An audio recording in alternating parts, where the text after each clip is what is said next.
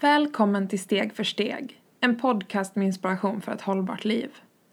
Mitt namn är Tess Waltenburg och det är jag som tillsammans med mina gäster skapar den här podden. Jag skriver om hållbar livsstil med fokus på second hand och återbruk på mina sociala kanaler. Förutom här hittar ni mig på min blogg tessvaltenburg.com, min Instagram tess.valtenburg och på Youtube.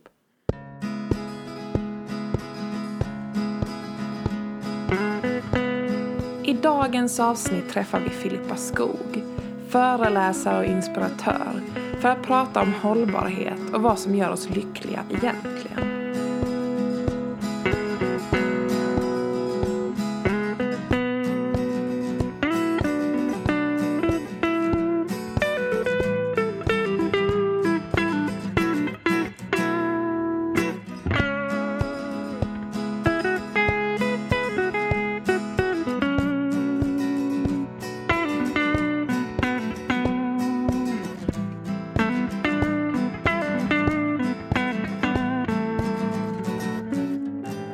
Du lyssnar på Steg för steg, en podcast med inspiration för ett mer hållbart liv.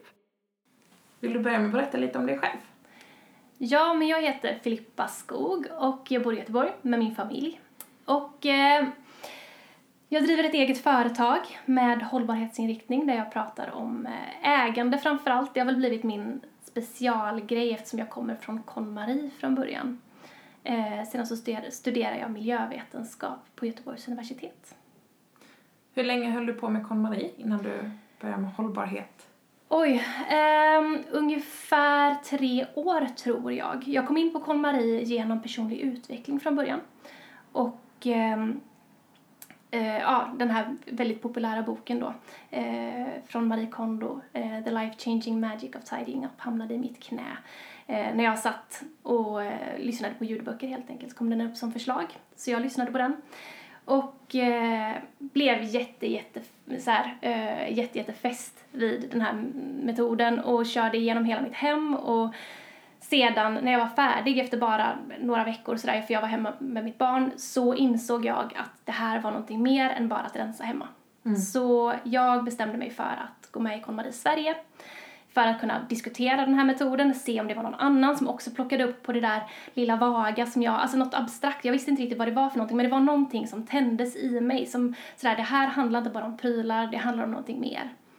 Eh, sen så fortsatte jag i KonMari Sverige och jag blev bra på KonMari, jag lärde, dem, jag, jag lärde mig, jag förstod mer och mer om KonMari, jag hjälpte andra, svarade på frågor, blev tillfrågad om jag ville bli administratör och var det ett tag. Och Alltså hållbarhet har varit viktigt för mig i ja, betydligt längre, i tio år ungefär. Eh, Men genom det så började jag fundera väldigt mycket kring det här med ägande och lycka, vad som skänker oss verklig glädje. Eh, Och där finns det en ingång mot hållbarhet. Så där, vad är hållbart ägande? Varför konsumerar vi så mycket? Varför är vårt samhälle uppbyggt kring konsumtion och, och sådär? Jag upplevde, jag testade ju många olika minimalistiska utmaningar och sånt innan jag trillade över KonMari. Så det är ju faktiskt så jag känner till dig från början. Och jag upplever också att det är väldigt kopplat till hållbarhet. Det här att ta ett steg tillbaka och verkligen se över varför gör jag som jag gör. Inte bara sortera ut hundra grejer utan att, okej, gå till botten med sin konsumtion. Mm, ja men verkligen. Ehm, Så för mig har det också väldigt starka kopplingar till hållbarhet.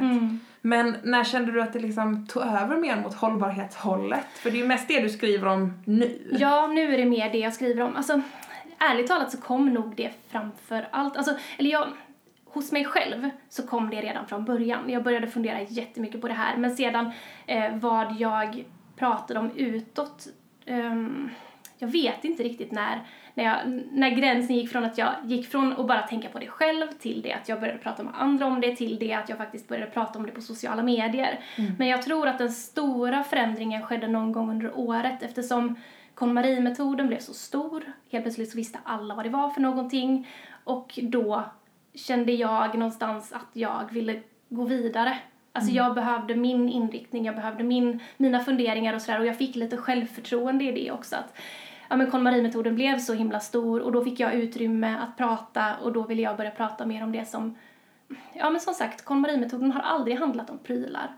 Och jag tröttnade väl lite grann på det också, sådär att eh, lyssna på människor när de pratar om sina saker och att man, att det, att det fokuset fanns och att det fokuset även fanns hos mig. Jag pratade om mina saker och till slut så kände jag bara, men spelar det någon roll?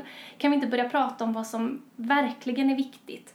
Eh, kan vi inte ta ett steg bort från det här att prata om ordning i hemmet till ordning i själen, att göra det som verkligen skänker glädje, det här med målbild och då så övergick det till slut i hållbarhet. Men sen så började jag ju um, plugga miljövetenskap nu i höst.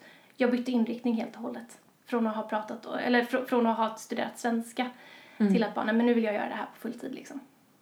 Så coolt. Ja. Hur känns det att ha bytt inriktning helt? Det är jättekul. Det, det var också ett steg eh, utifrån KonMari, alltså utifrån den här känslan av vad som verkligen skänker mig glädje. För jag älskar språk, jag älskar svenska och jag hade så roligt när jag pluggade svenska. Men jag hade hela tiden det här, den här lilla rösten längst inne som frågade, är det här det du vill hålla på med? Är det här det som verkligen är meningsfullt för dig? Vad är syftet med ditt liv? Med vad, alltså vad är du satt på jorden för att göra? Och svenska var inte svaret på det, utan det var sådär, men jag vill hjälpa till i kampen för hållbarheten. Mm. Och då blev det också ganska naturligt till slut att byta inriktning på studierna. Vad är hållbarhet för dig då? Ja, men hållbarhet är för mig är att vi allihop ska göra medvetna val så att vi kan lämna efter oss en bättre värld till kommande generationer. Jag tror att det är mycket det det handlar om. Ehm, och det handlar inte om att en person ska göra allt eller att några få ska göra allt. Det handlar inte om att någon behöver vara perfekt. Men att vi allihopa behöver skapa en medvetenhet och ha en medvetenhet i vårt vardagsliv. Så att, och det, det har förstärkts väldigt mycket under de här studierna för att jag har bland annat läst miljöhistoria nu den här terminen och det har blivit så tydligt att vi, har, vi lever så väldigt, väldigt skilt från hur vi har gjort eh, ja, men alla tusentals år sedan det har funnits människor, så bara de senaste hundra åren så har det hänt någonting i mänskligheten. Eh, vi har börjat konsumera på ett helt nytt sätt och jag pratar inte bara om prylar då utan eh, om alla resurser. Mm. Och det vi pratade ju om mat innan idag. Ja, ja men precis. Mm. Och det är inte sunt. Det är inte det. Och det är inte bara att det inte är sunt för planeten utan också för hur vi själva mår. För jag ser ju det här i konsumtionsbeteenden och sånt där hela tiden. Mm. Eh, människor mår inte bra, de har för mycket saker, de vet inte ens vad de äger. När de plockar fram det här för kategori för kategori som, mm. som KonMari-metoden handlar om så blir de helt överväldigande för det handlar om så mycket grejer. Mm. Eh, vi pratade ju också om det alldeles nyss, att inte våga bjuda hem andra för hur man har det hemma, för att det inte är tillräckligt mm. städat. Alltså det påverkar våra liv så himla mycket och jag vill att inte bara att vi ska lämna över till nästa generation och lämna över någonting bättre utan kanske också framförallt att vi ska leva lyckligare. Mm. Och det tänker jag så mycket på. Jag gillar det med ditt konto, det här helhetstänket kring hållbarhet. Mm. För att jag vet så himla många som säger att, ja, men, pratar om det som tråkigt eller jobbigt eller mm. måste. Och det är klart att vi måste förändra våra vanor. Visst, det har vi väl de flesta av oss fattat vid det här ja, laget. Jo, men det har ju faktiskt Men alla fattat. det här att, alltså alla val jag har gjort som är hållbara för omvärlden har ju också mm. gjort mig lyckligare. Och att det mm. hänger så mycket ihop. Så här, hur mår jag egentligen? Mm. Varför shoppar jag som jag gör? Yes. Vad, vad försöker jag liksom, vad försöker jag göra? Um, har du liksom något ögonblick där du som du kan komma ihåg där den resan startade, där du började se det? Eller var det KonMari? Ja, det var det nog. Framför allt så var det det. Och mycket det här att vara administratör i KonMari Sverige och att då få titta mycket på andras målbilder. För i KonMari så arbetar man med målbilder. Mm. Eh, du skapar din målbild först. Och din målbild handlar inte om hur du vill ha det hemma, att det ska se ut på ett speciellt sätt och det handlar inte heller om att så här, om tio år så vill jag leva på det här sättet eller så, utan det handlar mer om vad vill jag göra i min vardag um, så snart som möjligt? Hur vill jag utforma mitt liv?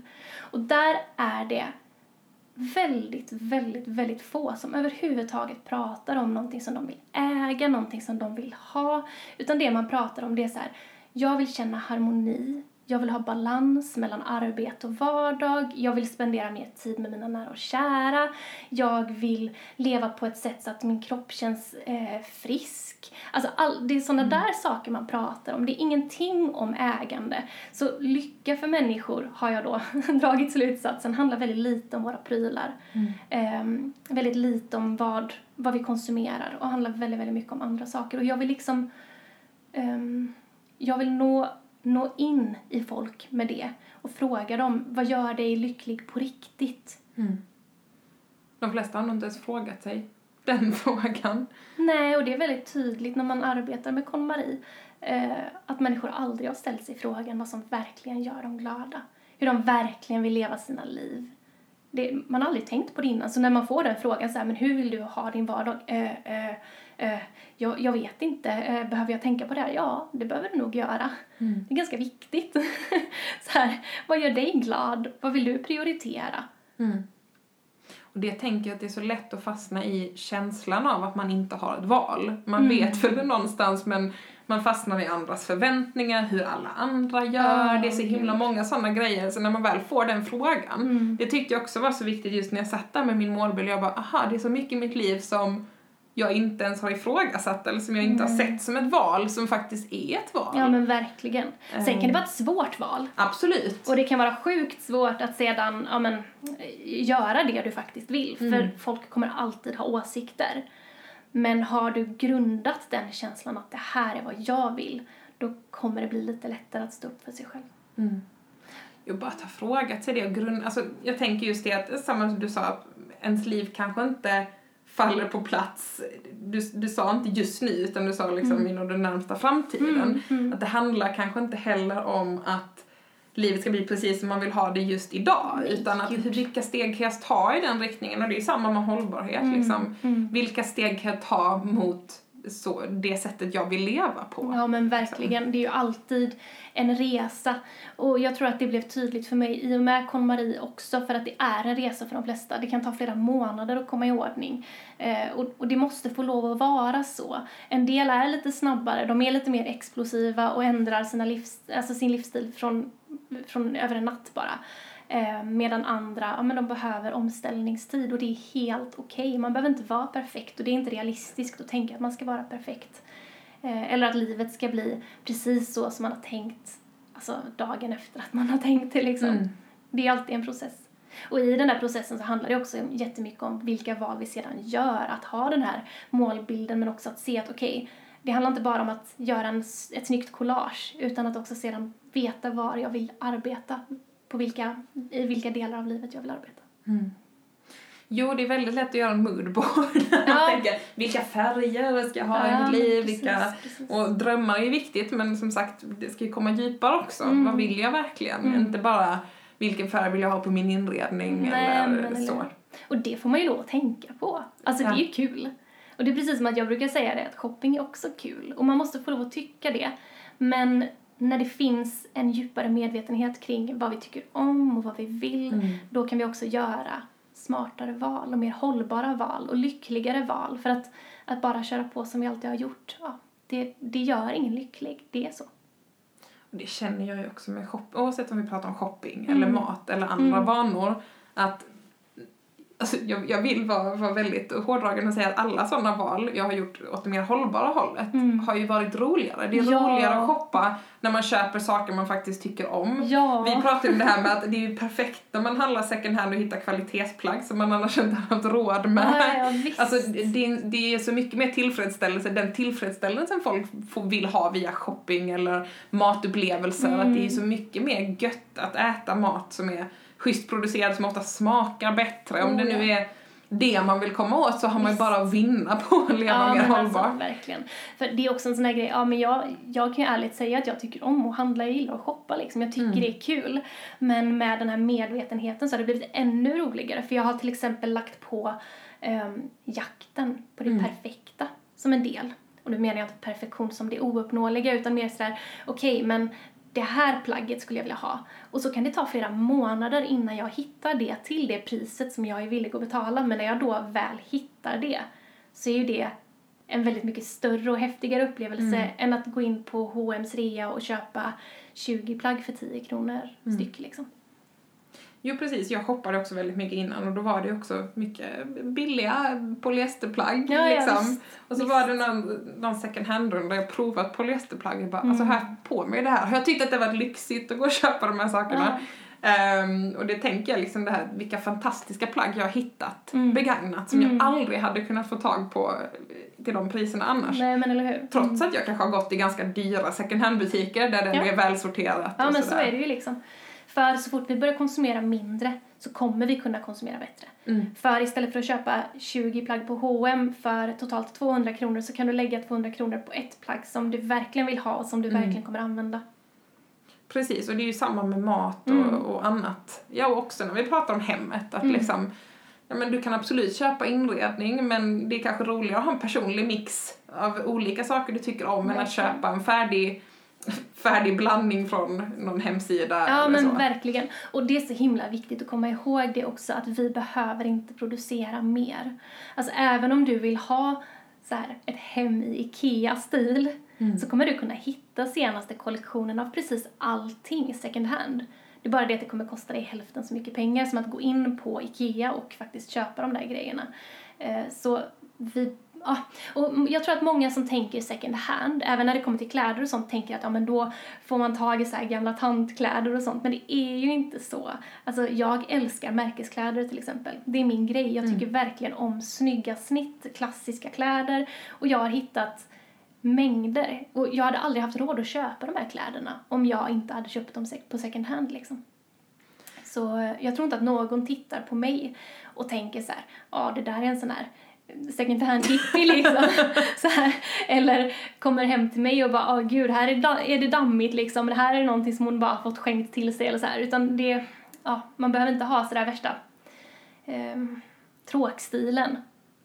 Och att det kan vara olika stilar. Jag älskar ju det i mitt Instagramflöde att jag har både eh, den andra Filippa, hon som har Fair Fashionista Filippa som har Mm. jättefärgglad stil. Mm. Jag följer dig som har väldigt klassisk stil och ju så mycket kvalitetsplagg. Jag har själv en Mm. bohemisk stil. Mm. Och alla vi handlar ju till större delen second hand. Ja men eller hur? Man behöver inte gilla samma saker. Nej, och det har jag ju precis. också sagt till folk det här som tänker att jag tyckte du hade en viktig poäng det här med att bilden av second hand som man måste ha vintage, man måste ha Mm. retro eller ja, det måste vara liksom en viss epok. Mm. Vi handlar ju så mycket att det finns saker som är ja, som har lapparna kvar, som är köpta för ett par Ja, månader men sedan. Visst. Och sen önskar man ju att det inte var så, men nu Ja. är det ändå så att det finns det i second hand-butikerna. Ja, precis, liksom. Precis. Ehm, och ja, där tänker jag att det är en omställning som behövs, att vi måste Mm. se det som någonting annat. Och att, ta, att ha begagnat kan ju vara att byta till sig på en klädbytardag. Tänkte precis Liksom. säga det att begagnat behöver inte heller handla om att man går in på Myrorna. För det kanske, jag förstår att det kan vara lite överväldigande för en del att behöva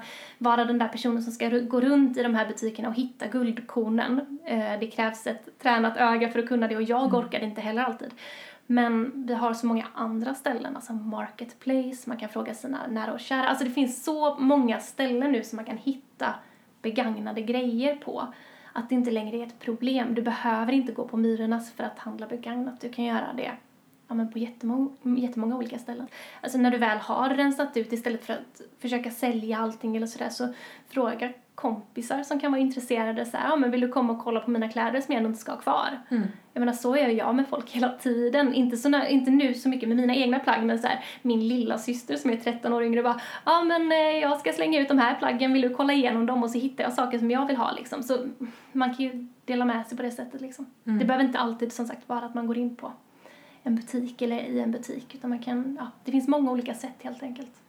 Det är väldigt spännande det här med ägande. Mm. För jag tänker i och med att du har tagit upp det och liksom, Mm. för, för det tänker jag mycket på att de saker vi har som spelar roll, det är ofta för att de medför någon slags funktion. De fyller, Visst. det är ju inte saken i sig utan det är att ja, men jag älskar att spela gitarr så det är klart att ha en bra gitarr Mm. spelar roll för mig. Mm. Jag älskar att fota så den här kameran, det är ju inte prylen utan det är Nej. vad det, vad det tillför till vårt liv. Mm. Och där tänker jag också det här med kläder och så att det är känslan av plaggen, det är ju inte ägandet av dem som... Nej, sällan är det ju i alla fall det.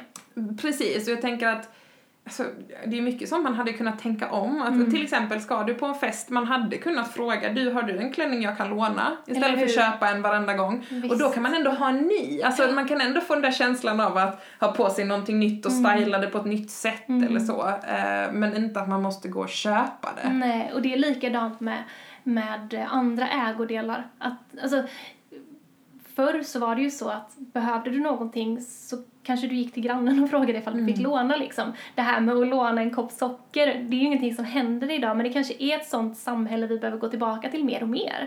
Att så här, att samäga saker som inte används så ofta. Jag menar vi har, vi har ju oftast saker omkring oss, alltså i andras ägo som vi skulle kunna låna. Vi har själva saker som vi kan låna ut och sådär. Jag tror att det finns så himla många olika sätt att ha det vi behöver utan att nödvändigtvis gå ut och köpa det nytt och nyproducerat till oss själva.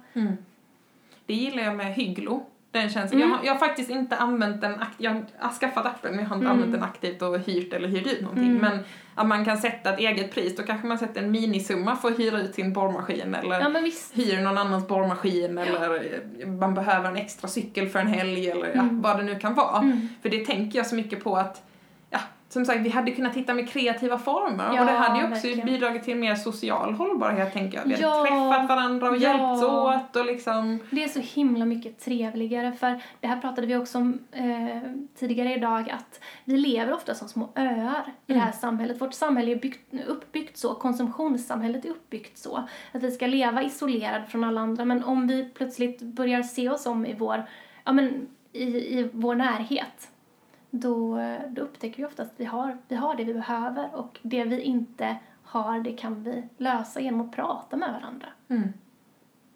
Det är så konstigt. eh, Alltså om vi tittar på personlig hållbarhet och sådär, just att vi, att vi är så ensamma för då är också risken så väldigt stor att vi börjar snegla på eh, de här perfekta Instagramkontona och sådär och känner att hållbarhet det innebär att vi måste vara minimalister och då måste det vara på ett speciellt sätt och eh, vi måste vara så himla duktiga på precis allting och så. Ehm, men börjar vi titta, alltså se oss om på människorna som vi har i våra liv så förstår vi att ingen är, ingen är perfekt och att vi inte heller behöver ha de målen om oss själva eller så. Och det är så viktigt med hållbarhet också, tänker jag. Det, det är ju därför vi har sustainable influencers, liksom Mm. att visa att det finns så många olika personer som, som gör det här på helt olika sätt. Och Ja, det är ju samma, precis. precis, nu är vi ju liksom, vad ska man säga, offentliga profiler på olika sätt, Mm. men det är ju samma sak i våra vardagliga liv. Att Mm. Var jag börjar är kanske inte var du börjar. Vi har Nej. olika förutsättningar och att lära varandra. Ja. För jag tänker det är så lätt att fastna i olika spår även när det kommer till hållbarhet. Mm, ja, men jag är verkligen. vegan, eller jag tänker på ekologiskt, eller jag är självförsörjande, eller Ja. jag är det här eller det här. Och så ska man vara perfekt på just precis det. Precis, och tjafsa med varandra. Ja, men eller hur? Om, om vad som är viktigast eller vad som är bäst istället för att hitta någon slags balans där. Ja. Sådär, ja men, nu äter ju jag växtbaserat, men jag, jag tror inte det är lösningen för alla. Utan alla behöver shapea upp lite Mm. på alla områden och börja tänka mer medvetet på alla områden, men ingen behöver vara perfekt på någonting alls. Vi kan fortfarande köpa nyproducerat till exempel, men vi behöver minska den konsumtionen. Vi kan äta kött, men vi, vi behöver minska den konsumtionen. Det är ju det det handlar om hela tiden. Mm. Och det bästa sättet är ju att lära av varandra. För jag tänker Ja. just det att fastnar man med att bara prata med Ja, men folk som är som en själv, gud. då kommer man ju ingen vart. Och det, alltså, det är ju knepigt för att ja, det kan vara jobbigt ibland att möta andra som Mm. inte är på samma plan som en själv. Mm. Eh, men det har jag liksom insett att har folk bara viljan, Mm. även om de i nuläget lever totalt ohållbart, så kan jag Mm. ändå få in dem. Visst. Sen är det ju jobbigt med de här som är totala förnekare och inte vill göra någonting alls. Mm. Men att jag tror mycket mer på att få in folk och samarbeta och Ja men om du, om du äter helt växtbaserat och jag inte gör det, ja, men då kan jag lära mig av dig. Mm. Istället för att se det som att nu ska jag försvara min livsstil. Nu måste vi ska... kriga Ja liksom. men precis, Ja, nu ska ja. vi liksom prata om vad som är bäst. Ja. Och så ska jag tjafsa om att jag minsann äter bara ekologiskt. Alltså, ja, men precis. ehm, och att vi inte får fastna i de spåren. Nej, det är jätteviktigt. Och det märker jag mycket på mina föreläsningar för jag får faktiskt in ganska mycket män på mina föreläsningar eh, som då handlar om hållbarhet, KonMari, ägande och så. Eh, och det är så roligt att få de perspektiven för det kanske inte alltid är de, de personerna som hänger på mina sociala medier till exempel så det är inte de rösterna jag hör. Men då handlar det också om att lägga sig på en annan nivå än vad jag skulle prata med dig till exempel. Mm. Och sådär, okej, okay, gud vad kul att du kommer på den här föreläsningen och vill göra ditt bästa liksom. Det gäller inte bara män, det gäller liksom alla möjliga målgrupper. Nej men jag förstår ändå vad du menar för att ofta de som gör livsstilsförändringar inom mm. hållbarhet visar ju studie på studie är ju faktiskt kvinnor. För att ja. det är ofta kvinnor som styr de livsstilsvalen. Ja men liksom. precis, och eftersom vi hänger på sociala medier så, snedd, alltså, så, så blir det ännu mindre målgrupper där och sådär. Mm. Så, och, det skulle ju vara katastrofalt om jag ställde mig på scen då eller mötte de här personerna ansikte mot ansikte då och sa Nej men vad då tänker du bara göra så här mycket? Då är du bara i början på din resa? Nej mm. men det är inte tillräckligt bra, du måste bli bättre, du måste bli perfekt. Alltså det funkar ju inte. Mm. Då skulle inte jag få med mig någon utan bara så här: okej, okay, du gör ditt bästa och du har precis börjat fundera kring det här. Gud vad nice! Mm. Här har du lite verktyg för att ta dig vidare liksom. Jag tyckte det var så bra när du tog upp det här exemplet med ekologiskt kaffe. När vi mm. pratade någon annan gång ja. när vi körde en live. Mm. Att ja, men hade inte din kompis tipsat dig om att ekologiskt kaffe är en bra idé jo. så hade du kanske inte börjat. Ja, och jag tänker att vi alla utan att vara medvetna om det har ju haft någonstans där vi har, aha det här är kanske ja, bra och så har man börjat där. Ja och det var ju en jättelång process. Liksom så, det började med att min kompis bara när vi satt och drack kaffe så här, ja men jag har börjat köpa ekologiskt kaffe för jag hörde att det var en av de mest besprutade grödorna. Mm. Och jag bara, jaha, nej det har jag aldrig tänkt på. Nej, men så här. Och sen så köpte jag det nästa gång och sen så blev det en snöbollseffekt. Men jag menar, om hon hade suttit och bara, jaha, har du inte ekologiskt kaffe? Mm. Så där, då hade ju jag bara blivit defensiv och aldrig börjat med någonting alls kanske. Mm. Precis, och alltså, det är så himla rätt tycker jag. Um, även om jag försöker ha en good enough approach men mm. det är så himla mm. lätt att glömma den resan mm, när man ja, väl har kommit Nej men alltså, men som vi pratade om innan lite också det här med mm. små tips som man mm. själv kanske tycker är självklart. Att faktiskt komma ihåg att berätta om det också. Berätta om de väldigt basic grejerna man gör som man själv kanske har tagit för givet sedan flera år tillbaka. Mm. Men som kanske är nytt för vissa av ens följare. Visst. Som precis har kommit in och bara aha, det här är bra. Verkligen, ja men eller hur. Och de där små tipsen att de faktiskt är väldigt mycket värda för en del personer. För att mm. det är ju det är ju också så att de här, precis som vi pratade om, de här förändringarna, även när det kommer till hållbarhet, de görs ju inte över en dag. Det är inte någonting som sker bara helt plötsligt och det är inte realistiskt att det ska göra det. Utan det sker på de, alltså det är de små, små förändringarna som tillsammans blir en väldigt stor förändring. Och det är också, det kan vara läskigt när man kommer in i hållbarhetstänket, att titta på ja, men den här slutgiltiga målbilden att leva helt och hållet hållbart till exempel. För det är så himla långt bort. Men när du har gått några pyttesteg, då är du lite närmre. Och när du har gått tillräckligt långt, då ser inte de där målen som såg så himla stora ut, de är inte lika stora mm. längre för att du stegvis har tagit dig dit. Mm. Och så är det ju med alla hållbara förändringar oavsett ja. inom vilket område. Alltså ja. jag brukar jämföra det med träning. Att mm det är väldigt lätt att efter nyår säga att nu ska jag, nu ska jag bli fit. Ja, liksom. mm. men, men de förändringarna som spelar störst roll är kanske att säga att jag ska börja med en promenad i veckan och, eller ett pass i veckan eller ja, vad man nu just. lägger till. Ja, um, och jag tänker liksom det och sen när det när man tar den vanan för givet då kan man kanske plussa på lite till mm. och lite till och mm. lite till.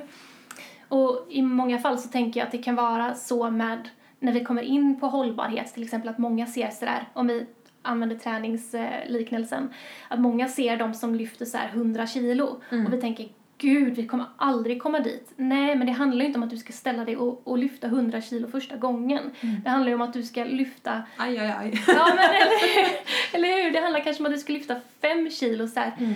10 000 gånger liksom. Mm. Och till slut så kommer du vara tillräckligt stark för att kunna rubba den där 100 kilos vikten. Alltså, det, vi, vi kan inte förvänta oss att vi ska komma in i mål från början utan det är en stegvis förändring.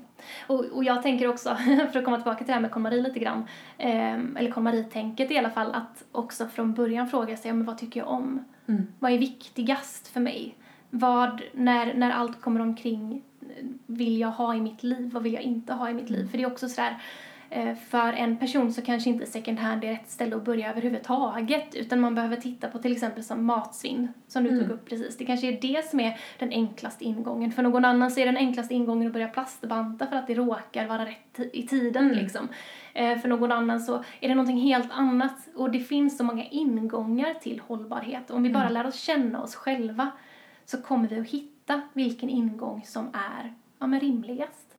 Jag tror inte att varken du eller jag eh, går omkring och bara åh nej, vi måste så välja bort saker hela tiden och det känns så himla jobbigt och livet är så tråkigt när man lever hållbart utan tvärtom så har det tagit våra liv till nya höjder. Vi har träffat människor som vi inte skulle träffat annars och en massa sådana där alltså positiva saker och jag tror att um, om man hela tiden utgår ifrån man, vad man själv vill och vad man själv orkar och vad man själv kan så är det ja, men genomgående positivt.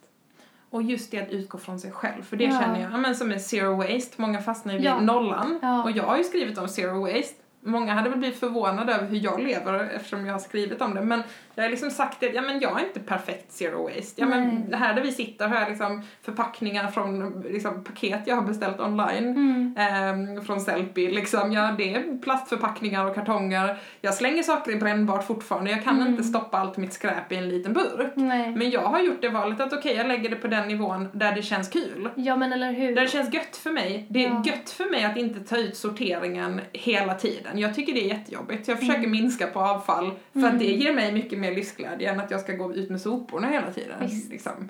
Men jag lägger det inte heller på en orimlig nivå där jag klandrar mig själv Nej. om jag köper en plastförpackning. Nej, och det får man ju inte göra. För hur mycket vi än försöker förändra oss själva och vår livsstil så lever vi i ett samhälle som är ett konsumtionssamhälle. Så det är väldigt, väldigt svårt att leva ja, men perfekt. Det är, det är fullkomligt orimligt av så många mm. anledningar. Mm. Vår mat är förpackad i plast. Och vi kanske bara får leva med det och försöka göra förändringar på andra håll eller prata om plasten i, alltså mm. så här, um, det handlar inte alltid om den där lilla burken med skräp från ett år utan det, ja, det finns många andra sätt. Zero waste är en jätte ett jätteviktigt sätt att chocka människor lite grann och börja mm. tänka på sin skräpkonsumtion men jag tror inte att det är realistiskt för speciellt många alls. Jag har inte ens funderat över ifall jag ska testa liksom för att det ligger så långt bort från hur min verklighet ser ut. Mm. Däremot så har Zero Waste i allra, hög, allra högsta grad fått mig att tänka mer på återvinning till mm. exempel. Så vi är extremt nitiska återvinnare nu. För att, och där är också sådär, att vara extremt nitisk återvinnare är också är någonting som fungerar väldigt bra för mig för att jag lever på ett sätt så att det är ganska enkelt för mig att vara det. Medan för en annan så kanske det bara finns brännbart eh, mm. i soprummet och då får man titta på andra lösningar att leva lite mer hållbart. Mm. Vi måste utgå från oss själva, vad vi kan, vad vi orkar, vad vi vill, vad som känns kul, vad som, vad som känns bra. Så länge vi gör en förändring åt rätt håll så har vi gjort en förändring åt rätt håll. Det kan ingen ta ifrån oss.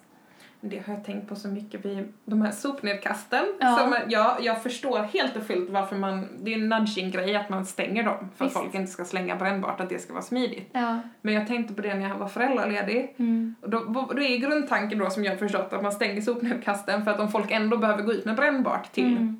eh, sorteringsrummet så är det större chans att man sorterar. Mm. Men jag, kom, jag tänkte ju på det när jag hade småbarn liksom att Ja men jag som inte ens orkar, jag får ju liksom inte i soporna överhuvudtaget nej, då. Nej. Så jag kan liksom förstå det här med olika livssituationer. Ja. Jag tycker matavfallet borde vara i sopnedkast. Det hade varit helt fantastiskt det att folk nudgades till att oh. ha matavfall liksom såhär, du har ingen anledning. Oh, det hade varit så bra för det tycker jag är svårast av allt när det kommer till återvinningen. Ja. Komposteringen för att det, ja, det är någonting med att hålla på och slabba med de där matvarorna alltså. Och, och, alltså jag var med och tappade dem också på vägen ut. Eller hur, för att påsen liksom blir sådär, eh, sådär genomblöt blöt och sådär. Ja, nej det är jätte, jätte... Folk sätter dem utanför dörren och det blir slabbigt. Ah, nej, alltså det hade varit helt fantastiskt. Jag förstår att det hade blivit lite slabbigt i nedkastet också, ja, men jag tänker att det kanske hade varit värt att städa ibland. Gud, det hade faktiskt varit en jättebra idé. Ja. Nej, jag tänkte på det häromdagen, liksom just, just det här med nudging. Och det tänker jag på, alltså det försöker jag säga till folk att det är klart att vi kommer inte förändra någonting om vi inte såklart att vi har alla ansvar men att också förstå att vi är i en liksom, kulturell kontext och i ett konsumtionssamhälle där vi nudgas till och där vi uppmuntras till mm. fel val Ja men precis, ja men verkligen. Det är plastförpackningar och det är ofta inte de hållbara valen som frontas i butiker Nej. eller som, ja, som uppmuntras på olika sätt. Det kommer ju mer och mer nu. Precis. Men eh, det, vi har levt ganska länge med att det är tvärtom liksom. Ja, och många städer är uppbyggda kring bilar till exempel, ja. även om man också jobbar på det i många städer och det är helt mm. fantastiskt. Men och man på något sätt förlåter sig själv. Mm. Alltså det är skillnad på att vara på en resa och se att okej, okay, jag är inte perfekt men jag är på en resa. Mm. Och att säga att nej, det går inte så jag struntar i det helt. Ja men verkligen. Liksom. Är du på väg någonstans så är du ändå på väg. Verkligen. Och jag tycker det, åh, det var så bra det du sa om att förlåta sig själv. För ingen har alltid varit perfekt. Jag har också suttit där och inte köpt eko överhuvudtaget för att vadå, vad ska man göra det? Alltså för Mm. tio år sedan så var det så mitt liv såg ut och jag älskade att åka ner och shoppa på GKs i Ullared. Jag älskade att Mm. göra alla de här grejerna. Jag har också varit konsumtionsmaniker liksom Mm. och bara köpt nytt hela tiden och tyckt att det varit skitkul och sådär men alla börjar sin resa någonstans och det måste vara okej. Mm. Det måste vara okej. Och det måste vara okej att få starta från att inte vara perfekt. Det är ju jul snart nu, så jag tänkte att vi kanske ska avsluta med att du ger ett julklappstips. Ja, alltså jag får väl ge det här klassiska hållbarhetstipset då. Att ge lite tid. Alltså det, det är någonting som vi är ganska ogenerösa med. Och det är så lätt att bara slänga till folk en massa saker. Men jag tycker det är så fint ifall vi till exempel till barn kan bara så här ge en eftermiddag på simhuset. Och det behöver, alltså, där kan man ju välja själv ifall man inte har en jättenära relation till barnets föräldrar så kan man liksom ge någonting som de kan göra tillsammans. Och har man en nära relation till barnen så kanske man kan göra det själv. Sådär. Att, man, att man fokuserar mycket mer på upplevelser helt enkelt. Det är ju det som är viktigast i Det är längden. ju det som är viktigast i längden, inte vad de får för prylar. Alltså de där julklapparna, de glöms ju nästan alltid bort. Man kommer ihåg Mm. någon enstaka liksom. Precis. Men det där med tid, det är någonting som vi kan vara lite mer generösa med. Mm. Det tycker jag är ett jättefint avslut. Bra, Tack så jättemycket för att du kom hit. tack så mycket.